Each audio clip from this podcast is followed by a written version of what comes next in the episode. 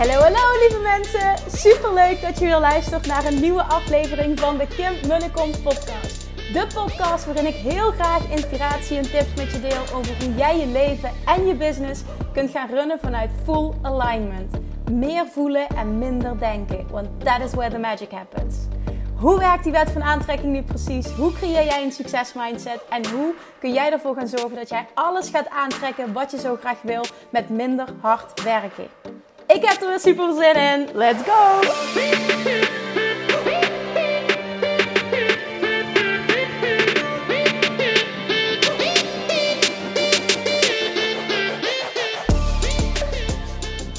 Hey toppers!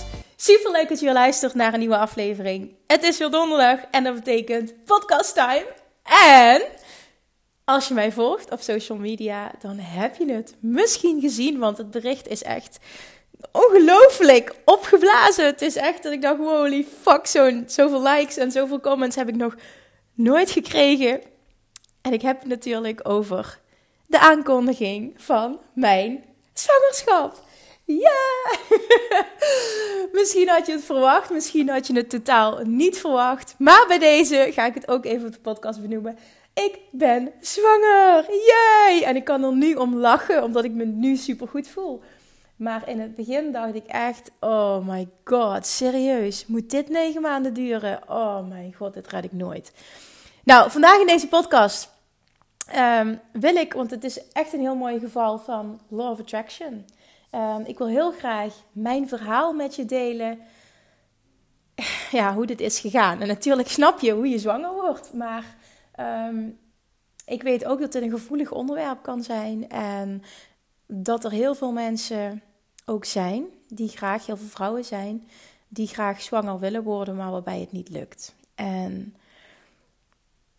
ik wil graag mijn verhaal delen als inspiratie. Uh, ik wil daarin ook dieper ingaan weer op de rol die Love Attraction hierin speelt. En ik wil vooral bereiken dat er in jou iets shift, waardoor ook jij dat bereikt wat je wil. En omdat het een gevoelig onderwerp is, ga ik nog een keer benadrukken. Het is slechts mijn ervaring. Het is mijn visie. Het is mijn waarheid die ik met je ga delen. En dit is niet de waarheid en jij mag ermee doen wat je wil. Ik hoop alleen dat je hieruit iets gaat halen wat je verder gaat helpen. En ik weet zeker als je hiervoor openstelt dat dit gaat gebeuren. Oké, voor ik zal ingaan op, uh, op de hoe en de wat. Uh, nou ja, misschien is dat niet helemaal waar. Misschien kan ik gewoon het hele verhaal vertellen um, en, en dan ga ik al wat verder terug. Um, want het is namelijk zo, en de mensen die dicht bij mij staan, die, die weten dit, dat ik, um, nou ja, jarenlang ook niet wist of ik überhaupt wel kinderen wilde. Dus het is echt niet zo vanzelfsprekend dat ik nu zwanger ben. Daarom ook de mensen die mij goed kennen, sommigen waren verbaasd van, oké, nou die had ik nog niet zien aankomen, gezien hè, hoe ik jou ken. Het is wel zo, sinds mijn, uh, mijn twee nichtjes er zijn, en vooral toen mijn eerste nichtje geboren werd, Noah, het uh, dochtertje van mijn broertje, dat is, nou, dat is echt, dat, kindje, dat is, ik ben daar zo verliefd op geworden. Dat meisje is zo fantastisch. Ik heb altijd geroepen, zo één zou ik er zelf wel, zo, zo één zou ik zelf wel willen hebben. Haar zou ik al willen hebben. Zij is echt fantastisch. En uh, vanaf dat moment is er wel iets in mij geshift. Maar dat was nog niet voldoende om te zeggen van, nou, ik weet nu zeker dat ik ook wel kinderen wilde. Ik denk ook dat dat te maken had met de relaties die ik heb gehad. Ik heb voorste vriend twee lange relaties gehad. Een van zes en half jaar, eentje van zeven jaar. En dat waren fijne relaties, maar het waren beide ook wel relaties waarin ik niet zeker wist um, ja, of ik wel kinderen wilde met, met mijn toenmalige partner, partners. En dat kon ik toen niet zien. Hè. Toen gooide ik het op. Ik weet niet of ik wel kinderen wil. Maar misschien was het ook wel. Ik weet niet of ik dit voor me zie. Met die specifieke partner. En dat wil niet zeggen dat er iets mis was met, met die mannen. Helemaal niet. Alleen. Ja, ik denk voor je het gevoel hebt als vrouw. Ik, ik, ik wil een kind. Moeten er verschillende dingen kloppen. En vaak achteraf zie je dat pas. Um, nou ja, die relatie. Mijn laatste relatie is toen uh, beëindigd in uh, december 2014. En toen ben ik een aantal jaren single geweest ook. Een hele fijne tijd gehad. En ook echt ontzettend dicht bij mezelf gekomen. En heel veel lagen afgepeld. En heel erg gegroeid qua persoonlijkheid, qua zelfvertrouwen. En heel, heel dicht bij mezelf komen te staan in de zin van dat ik weet wat ik wil, waar ik naartoe wil, uh, waar ik voor sta. Um, heel veel zelfliefde ontwikkeld.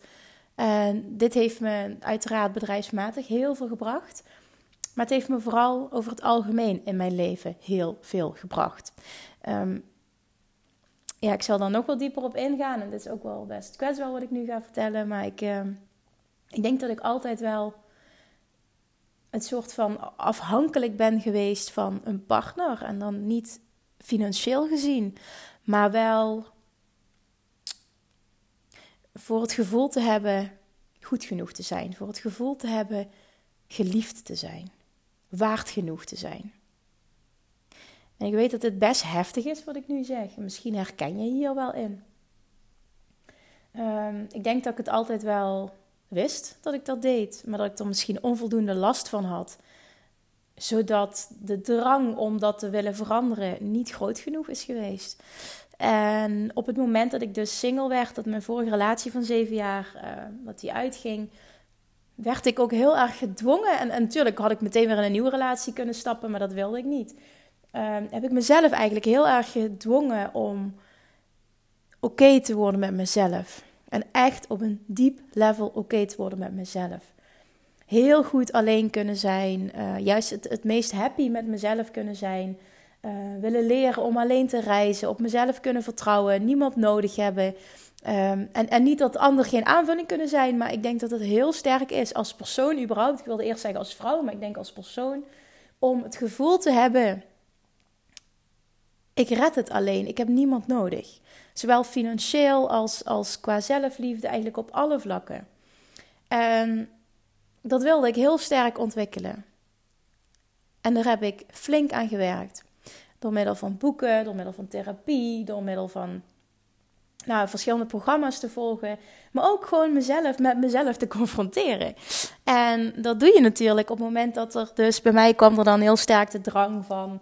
Ehm, uh, oh, ik wil wel zo snel mogelijk gaan daten of ik wil wel zo snel mogelijk een nieuwe relatie krijgen. Terwijl dat diep van binnen wist ik wel dat dat niet de juiste stap was. Maar het voelde zo oncomfortabel om alleen te zijn dat je het terugvalt in oude gewoontes. Dus ik, ik, ik moest mezelf echt heel erg catchen op dat moment.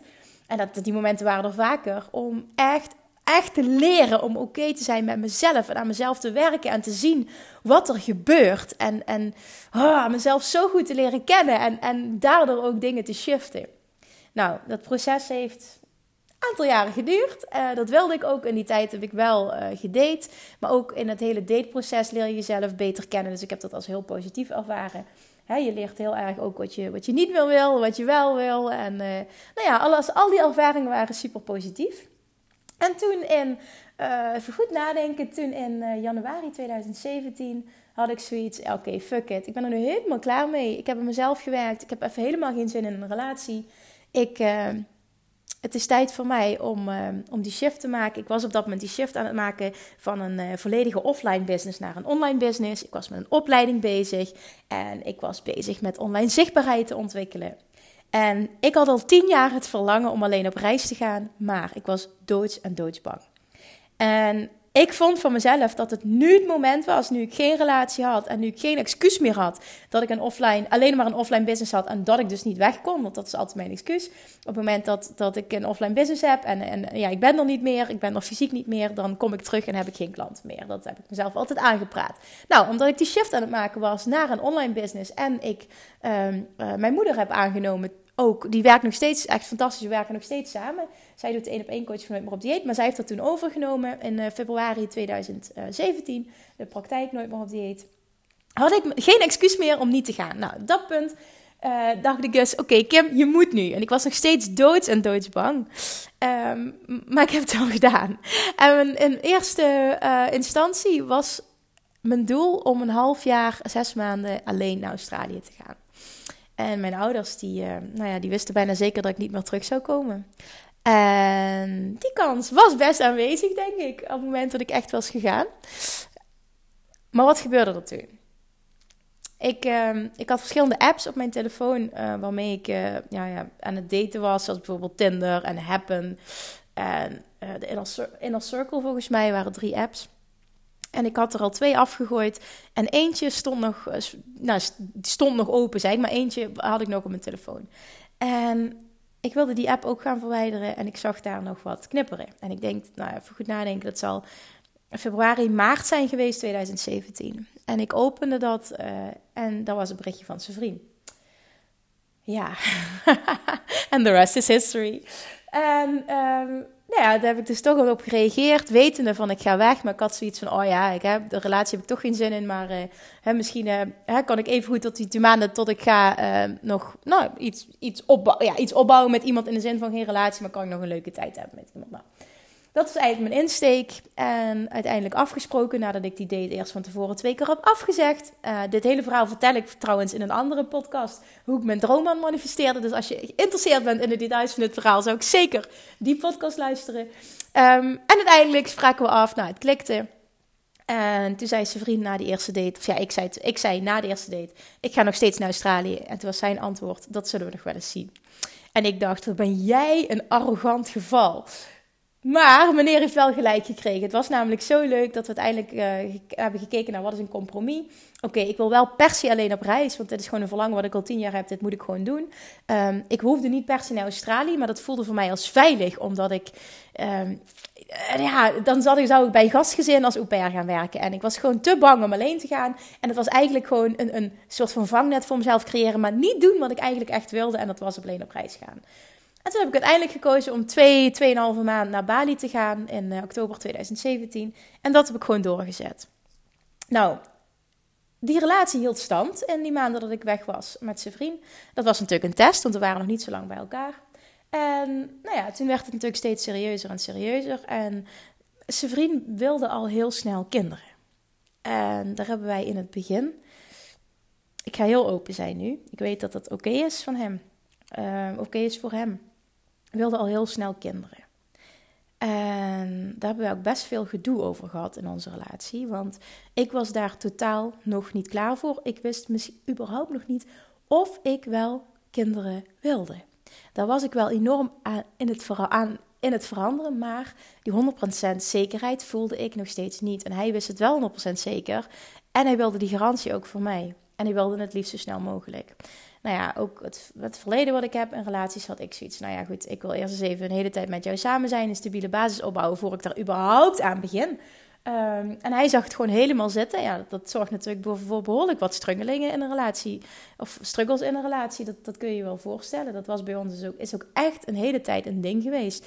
Dat hij het gevoel had ehm, dat hij niet met zekerheid wist of ik überhaupt wel kinderen met hem wilde. En dat het voor hem zo belangrijk was dat hij dus ook zoiets had van ja Ehm, ik wil eigenlijk alleen maar in deze relatie investeren als ik weet dat het uh, uiteindelijk tot kinderen gaat leiden. Dus het is best een heftig onderwerp geweest uh, in onze relatie. Um, naarmate we langer samen waren, zijn natuurlijk dingen in mij veranderd. Maar ik had ook nog een aantal dingen, een aantal doelen die ik wilde bereiken voor ik, voor ik moeder werd. Dus ik ben met hem heel veel, we zijn heel veel in gesprek gegaan met elkaar. En uiteindelijk zijn we, ja, hoe zou ik dat zeggen, tot een tot een compromis gekomen in die zin dat we iets met elkaar hebben afgesproken uh, waar we allebei ons in konden vinden, waardoor we allebei de rust vonden en dat het voor ons allebei oké was. En voor mij hield dat in dat ik nog een paar reizen wilde maken. Ik wilde echt nog een paar dingen doen voor ik moeder werd. Onder andere, ik wilde uh, één keer het retreat georganiseerd hebben, uh, wat ik afgelopen jaar gedaan heb. Ik wilde een reis naar Thailand maken en ik wilde een reis naar Amerika maken nou ja, als je me langer volgt, dan, dan weet je dat we dat gedaan hebben. En zijn vriend en ik zijn natuurlijk, hè, hoe te langer dat je samen bent, hoeveel te meer dat je naar elkaar toe groeit. Um, we hebben ook heel wat gedoe gehad over uh, het vinden van een huis. Daar uh, ja, overeenkomen van waar we nu, wat, wat nou precies wat we gaan doen en wat de stappen gaan zijn en wat we willen. En ook daarin zijn we naar elkaar toe gegroeid. En dan gaat het ook steeds beter voelen. En uiteindelijk ehm, ben ik toen in 2019 april naar Tony Robbins gegaan. En met zijn vriend afgesproken. Daarna ehm, ja, beginnen we aan kinderen. Ja, dat klinkt zo stom, net of dat je dat op die manier kan beslissen. Dat het dan, maar heel concreet, oké, ik zou daarna met de pil stoppen. En toen was het zover. En toen merkte ik dat ik het toch wel heel spannend vond. Dus ik ben naar Tony Robbins gegaan, ik kwam terug en uh, ja, ik wilde kinderen, maar het kwam ook wel heel dichtbij voor mij toen. Dus ik heb echt gemerkt dat ik daar uh, mee geworsteld heb. En wat er toen gebeurd is, um, ja, ik zie dit echt als law of attraction. Nogmaals, als je dit hoort, moet je daar zeker mee doen wat je zelf wil en interpreteren hoe je dit wil. Maar um, ik wist toen, ik, ik kan dit beïnvloeden. En dat is echt mijn waarheid. En dat kindje komt, ook al stop ik nu met de pil, het moment dat ik er klaar voor ben. Want anders klopt het niet. En dat was echt mijn waarheid. Dit kindje komt als ik er klaar voor ben. En ik moet eerlijk toegeven dat ik, uh, nou ja, de eerste maanden dat we dus tussen haakjes, hoe je dat noemt, aan het proberen waren uh, om zwanger te worden, dat ik er nog niet klaar voor was. En dat ik dus ook heel vaak herhaalde en voelde: dat kindje komt als ik er klaar voor ben. En het heeft echt wat tijd nodig gehad voor mij om me mentaal klaar te stomen om die volgende stap te maken. En waarom dat dat is, weet ik niet precies. Ik denk dat ik in mijn hoofd had heel sterk, dit gaat zozeer mijn leven veranderen en ook in negatieve zin, dat de tijd er nog niet was voor mij om daar 100% ja tegen te zeggen. En ik had totaal geen angst in die periode, want ik had echt heel sterk het vertrouwen, dit kindje komt als ik er ook klaar voor ben. En wat toen gebeurde is, heel mooi. Ehm, ja, voor mij was dat heel mooi, want ik weet dat zijn vriend had gewild dat we echt meteen zwanger zouden zijn. En ik wist dat het, ja, diep van binnen wist ik dat dat niet zou gebeuren, omdat ik er gewoon nog niet klaar voor was. Dus wat gebeurt er? Het gebeurt ook niet meteen. En twee weken, dat is in augustus geweest, twee weken voordat wij de reis naar Amerika uh, hebben gemaakt, is er een moment geweest uh, dat ik onder de douche stond. En dat ik toen echt diep voelde. En het is wel heftig, want ik word er nu nog emotioneel van. Um, dat ik toen ook echt diep voelde. Oké, nu mag het kindje komen. Ik ben er klaar voor. Dit is goed zo. Het is goed. Ik heb eraan kunnen wennen. Ik ben er klaar voor. En ik sta er ook, dat letterlijk, ik sta er helemaal open voor om het te ontvangen. Um, en toen zijn we naar Amerika gegaan. En toen ik terugkwam, of toen we terugkwamen, was ik zwanger. en ik wist het. Ik wist het in Amerika al. Want wat heel mooi was, ik zei dat tegen zijn vriend. We waren in een winkel. En ik, uh, uh, ik, ik kwam, we kwamen, ik praat altijd in ik, omdat het natuurlijk hoe ik dit ervaren heb. Uh, we waren in een winkel en ik zag daar een knuffel liggen van een zeehondje. En je hebt van die knuffels voor baby's die niet harig zijn. Ik weet niet, misschien hebben ze een naam, maar in ieder geval, ik herkende ze. Het zijn niet harige knuffels. Het is een lichtgrijs met wit zeehondje. En waarom een zeehondje? Omdat in Amerika, dat kwam als een thema wat altijd terugkwam, je hebt daar overal zeehondjes, seals. En ik was helemaal gek van die zeehondjes. En ik wilde bijna elke dag, als het kon, als we ergens waren, bij zonsondergang zeehondjes gaan kijken. Want die leven daar in het wild op bepaalde plekken. En dat was voor mij gewoon, dat, dat staat voor mij nu gelijk aan de reis naar Amerika die we gemaakt hebben. En ik zag dat zeehondje en ik wist op dat moment in Amerika al. Um, ja, dat klinkt zo stom, hè, want ik voelde lichamelijk niks, maar ik wist dat. Ik ben zwanger. En um, ik heb tegen zijn vriend gezegd: Kom, ik zeg, deze kopen we alvast voor de baby. Goh, dat zou leuk zijn, zegt hij. En uh, hij ging daar helemaal in mee, omdat hij zag dat ik ervan overtuigd was dat, uh, eh, ja, dat, ik, dat ik zwanger was. Dat het gelukt was, als het ware. Het klinkt allemaal zo stom om dat zo te benoemen, maar ja, je snapt wel wat ik bedoel. En toen hebben we die baby gekocht, of die, baby gekocht, oh wat erg. We hebben die, dat knuffeltje gekocht, Seals noemen we hem. En ja, ik ben toen al grapjes gaan maken door met hem te gaan praten. En met het kindje te gaan communiceren. En ja, en het echt gewoon helemaal echt te maken.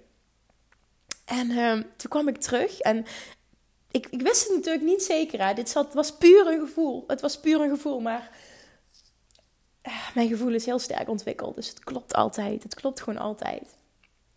En toen uh, kwam ik terug en de eerste paar weken nou, voelde ik ook nog niet echt wat. En uh, begin oktober, nou, toen, het, duurde allemaal heel lang. En ik merkte dat ik um, um, ja, ik vind het lastig. Kijken hoe ver ga ik open zijn. Want het is, het is best wel een kwetsbaar verhaal. Oké, ik ga gewoon heel veel vertellen. Um, ik merkte in eerste instantie dat ik heel erg... Eh, ik kreeg heel erg rugpijn uit het niks. En het was zo erg, zelfs met wandelen, dat ik gewoon dacht: wow, wat is dit? En toen zei ik tegen zijn vriend: ik ga een afspraak maken bij een voetreflextherapeut, waar ik hele goede ervaringen mee heb. Ik zeg van, ik trek dit gewoon niet. En ik weet niet wat er aan de hand is. En ik had dit ook niet gelinkt aan een zwangerschap. En ik heb ook niet de behoefte gehad om meteen een test te doen trouwens. Als je dat soms afvraagt. Nee, had ik niet. Ik had zoiets, nou laat zich dat maar eventjes ontwikkelen. En... Nou, ik in ieder geval naar uh, die voetreflex gebeld. En ik kon daar, ik kon daar terecht de, de komende woensdag. En toen had ik een gesprek met Yvonne. Yvonne is zwanger, zoals jullie weten, ook zwanger. Toen zei ik tegen haar: Kan het zijn dat als je een, een vruchtbaarheidstest doet, hè, en die is positief? Want het was heel gek. Ik had namelijk een ovulatietest gedaan vijf weken na mijn laatste menstruatie en die testte positief. En waarom vijf weken? Nou, ik deed het wel vaker. Um, maar die was iedere keer negatief. Continu was die negatief. En nu, vijf weken na de laatste menstruatie, was die positief. Vijf weken erna. En ik vond dat zo raar. Maar het was de eerste keer dat hij positief testte. Het was allemaal na Amerika. En toen was ik met Yvonne aan het praten. Nou, wij hebben altijd hele open gesprekken. Dus uh, uh, ik vroeg dat ernaar. Ik zeg, weet jij toevallig, als je dan zo'n ovulatietest doet, hè, die is positief. Zou die ook positief kunnen zijn als je al zwanger bent? Oh, dat weet ik eigenlijk helemaal niet, zei Yvonne. En uh, nou, toen heel mooi. Die woensdag zou ik dus uh, naar de voetreflextherapeut gaan. En ik even goed nadenken. Ja, ochtends, uh, woensdagochtend, was, was ik met Yvonne een podcast aan het opnemen en waren we nog even bij aan het kletsen. En toen zei ze, ik heb trouwens, ik werd vannacht wakker en toen moest ik aan jou denken. Ja, ja, ja, voel je me niet speciaal, zegt ze er ook bij, want ik doe dat wel vaker s'nachts aan mensen denken. Dus uh, dat doe ik met meerdere mensen. Ik zeg, oké.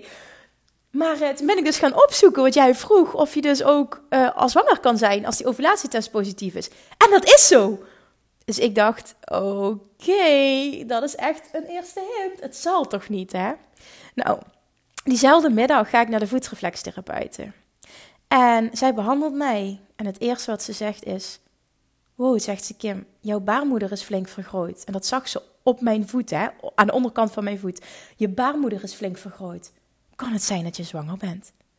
Nou, dat was op één dag, één en één is twee. En ik dacht, ja hoor, nu weet ik het. Dus ik uh, meteen, was de dag erna, een, uh, een zwangerschapstest gedaan. En toen was het overduidelijk. En ik wist het wel, maar het kwam er toen uit. Ja, toen heb ik het, eh, zijn was op dat moment weg, een weekendje weg. Toen heb ik het uh, zondag vriend verteld. Die was natuurlijk ook heel erg blij. Nou ja, die was trouwens minder blij dan ik had verwacht. Het viel me heel erg tegen, omdat vooral ook hij het al lange tijd zo graag wilde.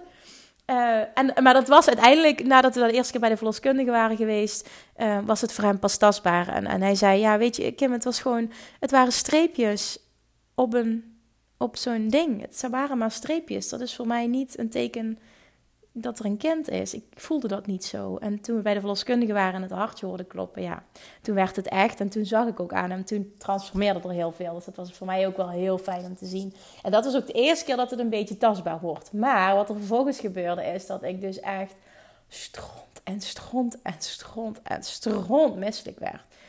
Oh man, uit het niks kwam het opzetten. Ja, waarschijnlijk heel veel vrouwen die dit luisteren, die denken van ja hoor, dat hoort erbij en ik heb het ook gehad. En ja, nou ja, mij overviel het heel erg. En dat komt omdat mijn moeder twee keer zwanger is geweest en helemaal niks heeft gehad. Mijn beste vriendinnetje Femke ehm, eh, is nu net een paar weken geleden bevallen. En zij was dus al zwanger op dat moment ook helemaal niks. En heel veel mensen om mij heen die zwanger waren, die hadden helemaal niks. Dus ik had me daar totaal niet op voorbereid. Ik dacht echt, ik doe dit wel even.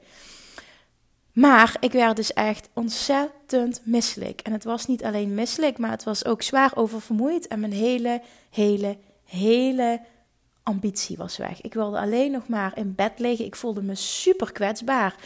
Um, weet ik niet, heel onzeker voelde ik me ook. Oh, het was echt een zwaar onprettig gevoel. Ik had het, het idee dat ik mezelf gewoon niet meer was en ook niet meer kende. En ja, die misselijkheid die zorgde ervoor dat ik echt eigenlijk niks kon eten. Maar als ik niks at, werd ik, werd ik ook niet goed. Dus het was een beetje van, ja, wel eten, niet eten, koffie en eitjes en havermout en al het normale groenten. Oh, ik kon echt niks meer zien. Thee niet. Helemaal niks meer van wat ik normaal altijd eet. Ik kon echt, uh, wandelen ging niet meer, tennissen ging niet meer. Ik voelde me zo ontzettend beroerd. Ik had nergens meer zin in. Alles was een worsteling ja, ik wist, ik, ik, ik, als ik me op mijn business focuste, dat, dat, daar word ik blij van. Dat was geen fysieke inspanning. Dan kon ik het nog enigszins mijn focus shiften, uh, waardoor ik me ja, redelijk voelde. Maar jeetje, als ik me focuste op die misselijkheid, nou, ik kon best gewoon de hele dag in bed liggen. En ik heb echt gedacht, hoe doet iemand dit die in loondienst werkt? In godsnaam, hoe doe je dit? Het voelde voor mij echt als, en je weet, ik had geen zekerheid wanneer gaat het over. En dat maakt het nog heel moeilijk, want de meeste mensen zeggen, ja, na twaalf weken wordt het minder. Of gaat het weg? Maar ja, ik had die zekerheid niet. En ik hoopte het natuurlijk wel, maar het was zo vreselijk. En daarnaast moet ik wel meteen ook zeggen, ik weet dat er veel vrouwen zijn die het nog veel en veel, veel erger hebben. Dus ik wil ook vooral niet uh, mezelf nu in de, ja, dus een hokje plaatsen van, oh, ik was zo zielig en oh, ik heb het allerergste gehad. Helemaal niet. Maar het viel me wel gruwelijk tegen. En ik heb nog nooit in mijn leven meegemaakt dat mijn lichaam me zo enorm in de steek liet. En eigenlijk ook dit heb ik op mezelf afgeroepen. Want al die tijd voor mijn zwangerschap is het enige wat ik gezegd heb. Als ik maar niet misselijk word. Ik vind alles goed als ik maar niet misselijk word. Ja, wat denk je? Love attraction. Zoals je weet kent Love Attraction, het universum kent het woordje niet niet. Dus wat heb ik gedaan? Ik heb gefocust op misselijkheid en wat heb ik gekregen? Misselijkheid. En dat is het stomste wat ik had kunnen doen. Het is zo geweest, ik weet het nu. Mocht er nog ooit een tweede komen, en laten we niet op de zaken vooruit lopen, maar dan weet ik wel dat ik dat anders ga doen. Want ik weet dat ik dit op mezelf af heb geroepen. Maar damn, wat was dat een moeilijke tijd. En in die periode viel ook het Bali Retreat. En ik voelde me zo kwetsbaar en zo onzeker. En ik had ontzettend veel angst om het vliegtuig in te stappen en zo'n lange reis te maken. Ik wist niet wat het hoogteverschil met me zou doen.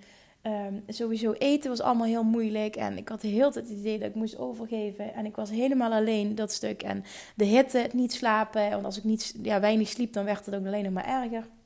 Ik was Oh, ik had het even heel zwaar op dat moment. Ook van tevoren. Ik wist, ik, ik wil gaan, ik moet gaan. Je hebt de commitment ook naar die vrouwen gemaakt en dit is wat je wilde. Maar het was zo'n slechte timing. Oh, wat werd ik uitgedaagd op dat moment. Ja, natuurlijk heb ik besloten om toch in het vliegtuig te stappen en het gewoon te gaan doen. Maar het was niet leuk. En toen kwam ik dus daar. Nou, de reis ging op zich wel. Alleen, ja, ook dit, hoor, ik hoor het mezelf zeggen, overtuiging. Ik slaap niet in een vliegtuig. Hoor je het mij zeggen? Ik slaap niet in een vliegtuig. Nou, ik wist, ik ga mijn best doen om het nu wel te doen. Dus ik had allemaal voorzorgsmaatregelen getroffen. En um, zo'n zo'n lapje voor de ogen gehaald. En een kussentje. En alles fijn gemaakt voor mezelf. Nou ja, ik heb al wat, wat gedoezeld, maar niet echt geslapen. En toen kwam ik daar aan. Het was ik gewoon super kapot. De eerste nacht ook niet super veel geslapen. Ja, en dan kom je daar. En degenen die mij langer volgen hebben gezien wat er toen gebeurde. Sorry, heel slecht dit, maar er werd aangebeld. De postbode stond voor de deur en ik moest openmaken. Oké, die hebben gezien dus wat er toen gebeurde in Bali. En dat was dat ik echt de eerste paar dagen dat ik daar was, voor de dames kwamen, echt een dikke terugval had en hoe ik me voelde. Het werd erger. Ik was echt en kortsmisselijk. Ik had hele erge maagpijn. Ik kreeg niks weg van het eten daar en het warme eten. Ik moest er helemaal niks van hebben. Het enige wat ging was fruit en, uh, en, en wat brood met jam. Nou, het brood is daar best lastig te verkrijgen, dus het was me een gedoe. Nou, ik heb dat gedeeld. Niemand, heel veel mensen die dachten dat ik zenuwachtig was of uh, dat ik niet genoeg gegrond was. Ik heb toen heel veel tips gekregen, echt super fijn. Of uh, je moet cola drinken of je moet dit en dat. Maar ja, ik kon natuurlijk op dat moment niet vertellen dat ik zwanger was. Volgens mij was ik negen of tien weken op dat moment. Um, ik had met zijn vriend ook afgesproken gesproken dat we dat niet zouden doen. Maar ik had echt zoiets van: holy shit, hoe ga ik dit doen? En de andere kant wist ik ook wel meteen: als die dames er komen, komt het goed. Als die dames komen, komt het goed, want ik kan mijn focus shiften. Ik wist voor mezelf: ik kan dit en het gaat goed komen. Als ik er moet staan, ben ik er altijd. Punt. En dat is ook echt zo. Dat is nog, nog altijd mijn waarheid geweest. En ze voelde dat nu ook. Heel sterk mijn waarheid. Als zij er zijn, komt het goed. Nou ja, van tevoren heb ik het dus zwaar gehad. En um, toen arriveerden de dames op die zaterdag. En toen heb ik mijn focus inderdaad kunnen shiften. En die week was fantastisch. Die week was serieus een van de... Ja, naast het, het uh, event op 6 juni met 180 mensen toen... is, is Bali echt het, het grootste geschenk voor mij persoonlijk ook geweest. Het, het vetste wat ik tot op heden op businessgebied heb mogen doen. Met de grootste doorbraken ook voor de deelnemers. Het is echt niet normaal. Bedoel, de groep is nu nog steeds super hecht en actief. Volgende week hebben we een terugkomdag. Gaan we lekker lunchen in Eindhoven met z'n allen. We hebben een WhatsApp-groep nog met die groep is heel actief. Ik kreeg deze week nog een berichtje van een dame die zei...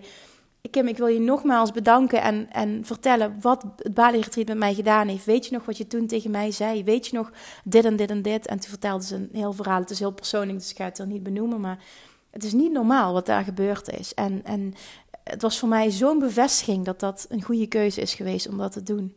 En voor mij dus heel vervullend geweest, ook als coach. En toen kwam ik terug. En um, nou ja, toen merkte ik ook weer wat minder geslapen. Dus ook toen heb ik me weer een aantal dagen wat minder gevoeld. Maar ik merkte ook, het wordt steeds minder, die misselijkheid.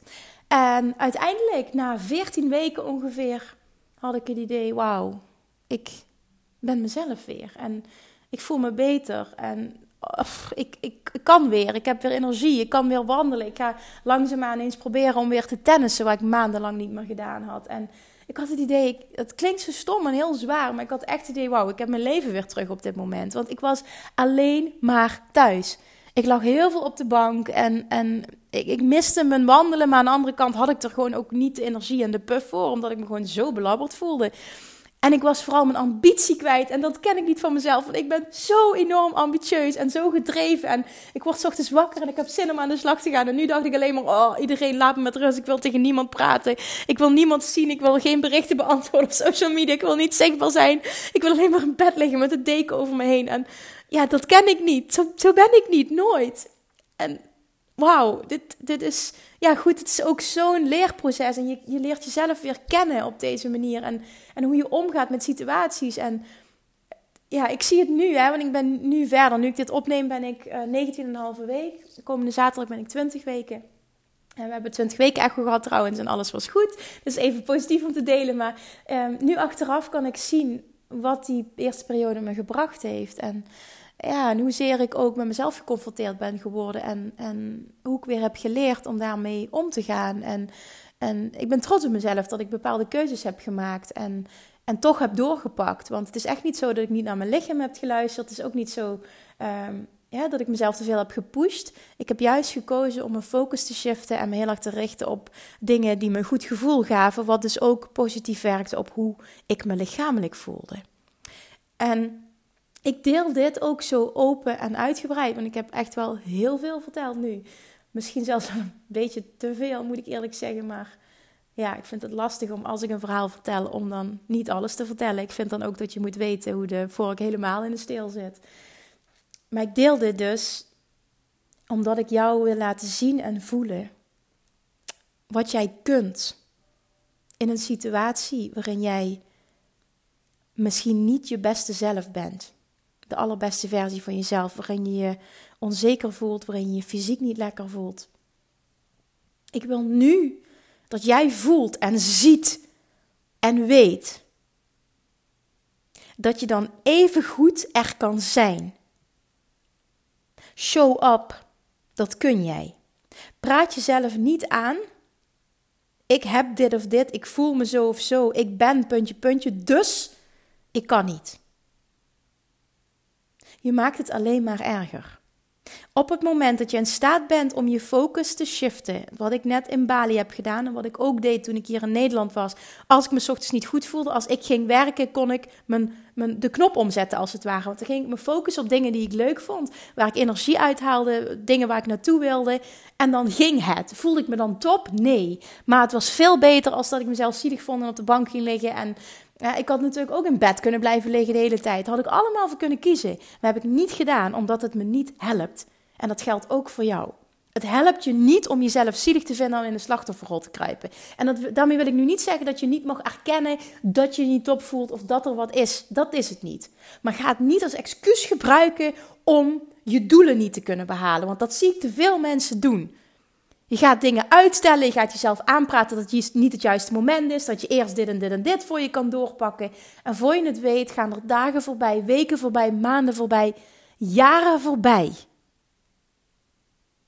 Waarin jij ervoor kiest om niet het leven te leiden dat je wil leiden. En nu wil ik niet zeggen, oh, je kan hoe ik me zo slecht gevoeld heb met een zwangerschap vergelijken met alle ziektes die er zijn. Nee, absoluut niet. Het gaat om een principe. Het gaat om een principe en het gaat om keuzes maken. En ik wil nogmaals niet impliceren, ik wil, ik wil vooral niet dat je de indruk krijgt dat het allemaal niks voorstelt wat je hebt, want dat zeg ik niet. Ik zeg alleen maar dat je altijd de keuze hebt om ongeacht jouw situatie er het beste van te maken door te kiezen waar je je op focust. Kies je erop om te blijven hangen in je shit en jezelf zielig te vinden of om te kijken wat kan ik wel doen op dit moment, ongeacht mijn omstandigheden, financieel. Ja, je financiële omstandigheden, je, je uh, fysieke omstandigheden, uh, op het gebied van relatie. Wat kan ik wel doen, ongeacht hoe ik me nu voel? Of ondanks dat ik me zo voel. Wat kan ik even goed doen? En er is altijd iets. Daar komt ze weer met je hebt altijd een keuze. Ja, maar het is echt zo. Je hebt altijd een keuze waarop jij je focust. En als je dit vanuit Law of Attraction bekijkt, zegt Teach uh, Abraham Hicks altijd heel mooi. Elk onderwerp heeft twee kanten. Je moet een onderwerp zien als een stok. En aan het ene uiteinde van die stok heb jij bijvoorbeeld het, onderwerp. Uh, het onderwerp uh, geld, ik noem maar even iets, hè? of het onderwerp succesvolle business. Aan de ene kant heb je het onderwerp, het, het, het, ja, het onderwerp dus business. Aan de ene kant heb je de overtuiging, ik kan dit, ik wil dit, ik ga ervoor. En je verwacht dat het je gaat lukken. En aan de andere kant zit nog steeds wel het verlangen voor die succesvolle business. Dus het blijft hetzelfde onderwerp, maar aan de andere kant van de stok zit het tekort. Ik ben er nog niet, ik kan het nog niet, ik ben niet goed genoeg. Ik twijfel, ik ben onzeker, ik ben fysiek niet dit of dit. En alle excuses die je maar kan verzinnen om in die slachtofferrol te blijven. En dit gaat met geld zo, dit gaat met relaties zo, dit gaat met gezondheid zo, dit gaat met gewicht zo, dit gaat met alles zo. Je hebt altijd, elk onderwerp kun je onderverdelen in het, het pure verlangen, er naartoe werken, de positiviteit en het willen vanuit een tekort.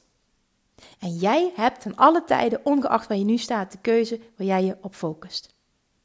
En ik heb ook eerlijk gezegd, dat stuk niet lekker voelen, heb ik zelf aangetrokken. En dan neem ik ook ownership, ownerschap voor. En ik heb het ook kunnen shiften op dat moment. En natuurlijk bestaat er zoiets als hormonen. En de ene reageert erop en de andere minder. Maar ik geloof er wel in dat je daar met je mind heel veel invloed op hebt. En datzelfde geldt voor het stuk waarmee ik mijn verhaal begon. Hoe die zwangerschap, hoe het uiteindelijk is gekomen tot wanneer dat het kindje daadwerkelijk is verwekt. Dat is precies geweest op het moment dat ik losliet en zei: Kom maar, ik ben er klaar voor. En daar kun je van denken wat je wil. Maar het is echt mijn waarheid dat ik dit zo heb kunnen doen. Met mijn gedachten, mijn gevoelens en mijn focus. En dit gaat veel verder dan de zwangerschap manifesteren. Het gaat veel verder dan de ziekte manifesteren. Het gaat erom dat je ziet wat je met je gedachten en met je gevoel kan doen. En als jij nu luistert En je wil heel graag zwanger worden, maar het lukt niet. Wil je dan alsjeblieft, en ik ben geen expert, maar wil je alsjeblieft dit voor mij aannemen? Jouw kindje komt op het moment dat jij stopt met het willen vanuit een tekort, vanuit het, vanuit het willen, vanuit ik heb het nu nog niet en ik wil het zo graag. Dat is waarom het niet in je ervaring komt, waarom het niet in je leven komt, waarom het niet lukt. Je wil het te graag en je bent gefocust op het niet hebben. Je wil iets, je wil iets aantrekken vanuit een kijken naar wat je nu nog niet hebt. Dus, dus iets willen manifesteren vanuit een tekort. Ik heb het niet en ik wil het zo graag. Waarom lukt het niet? Waarom lukt het alweer niet? Waarom lukt het bij anderen wel? Die manier van denken houdt het kindje bij je vandaan. Het willen controleren houdt het bij je vandaan. Loslaten en vertrouwen dat het kindje komt op het moment dat jij in alle rust en verwachting mentaal en qua gevoel kan komen. Het kindje komt als jij verwacht dat het komt. Niet vanuit een tekort, maar vanuit overvloed. Dit kindje komt. Jij kan dit kindje aantrekken. Verwacht het vanuit een pure overtuiging dat het in je leven komt.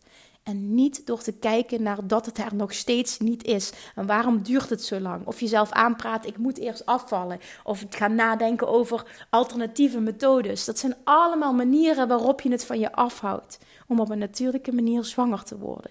Jij kan dit als jij dit heel graag wil. Maar je zult moeten loslaten. Je zult in die ontvangmodus moeten komen.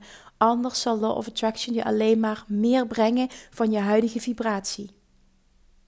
En hoe weet je waar je op gefocust bent? Door te kijken naar hoe jij je voelt.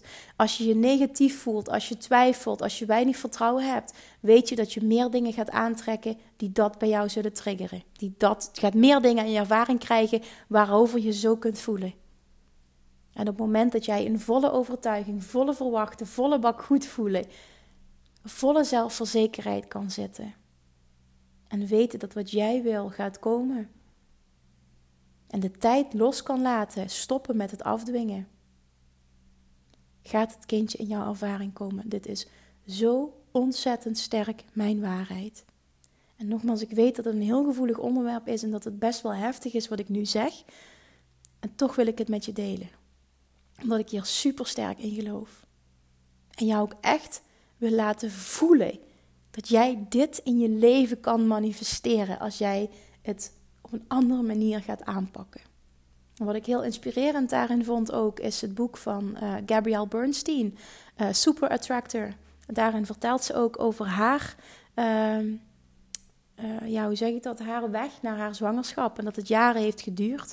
En dat ze continu vanuit een tekort manifesteerde. Zij is daar heel open over. Het is echt heel mooi om dat te lezen. Nou, ik heb het vanuit een luisterboek. Ik heb het boek ook fysiek, maar ik heb het geluisterd, het verhaal, meerdere keren. Um, dus dat is ook echt een aanrader als je op dat gebied struggelt en je wil verdieping over hoe kan ik dat loslaten. En ik wil me laten inspireren door iemand anders die het hetzelfde heeft doorlopen en met succes zwanger is geworden. Dit bestaat en er bestaan meer succesverhalen. Maar het gaat er vooral om dat jij nu die shift kan maken van een tekort naar een overvloed. Mentaliteit, verlangen.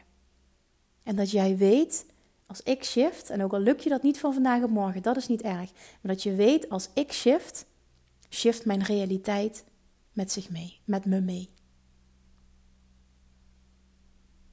Alright.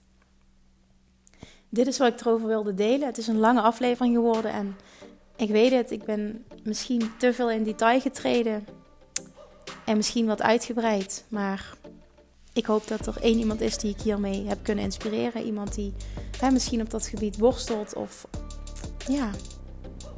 Ik hoop in ieder geval dat je er inspiratie hebt uit kunnen halen. En laat me dat weten. Het is altijd fijn als iemand openlijk zijn verhaal vertelt en de hoop iemand te inspireren dat je feedback krijgt dat iemand er wat aan gehad heeft. Want dat is waar je het uiteindelijk voor doet. Dus hopelijk is het missie geslaagd. Ik zou het super fijn vinden als je me dat laat weten. Oké, dankjewel voor het luisteren en tot de volgende keer. Doei doei! Lievertjes, dankjewel weer voor het luisteren. Nou, mocht je deze aflevering interessant hebben gevonden, dan alsjeblieft maak even een screenshot en tag me op Instagram. Of in je stories, of gewoon in je feed. Daarmee inspireer je anderen en ik vind het zo ontzettend leuk om te zien wie er luistert. En nog één dingetje. Voor alle gratis content die ik aanbied, zou je alsjeblieft één dingetje terug willen doen. En dat is, ga naar iTunes, zoek de podcast op, scroll even naar beneden en laat een korte review achter. Hoeveel meer reviews namelijk, hoeveel beter de podcast gevonden wordt in iTunes. En hoeveel meer mensen ik kan bereiken met mijn boodschap. Super, super dankjewel alvast. En tot de volgende keer.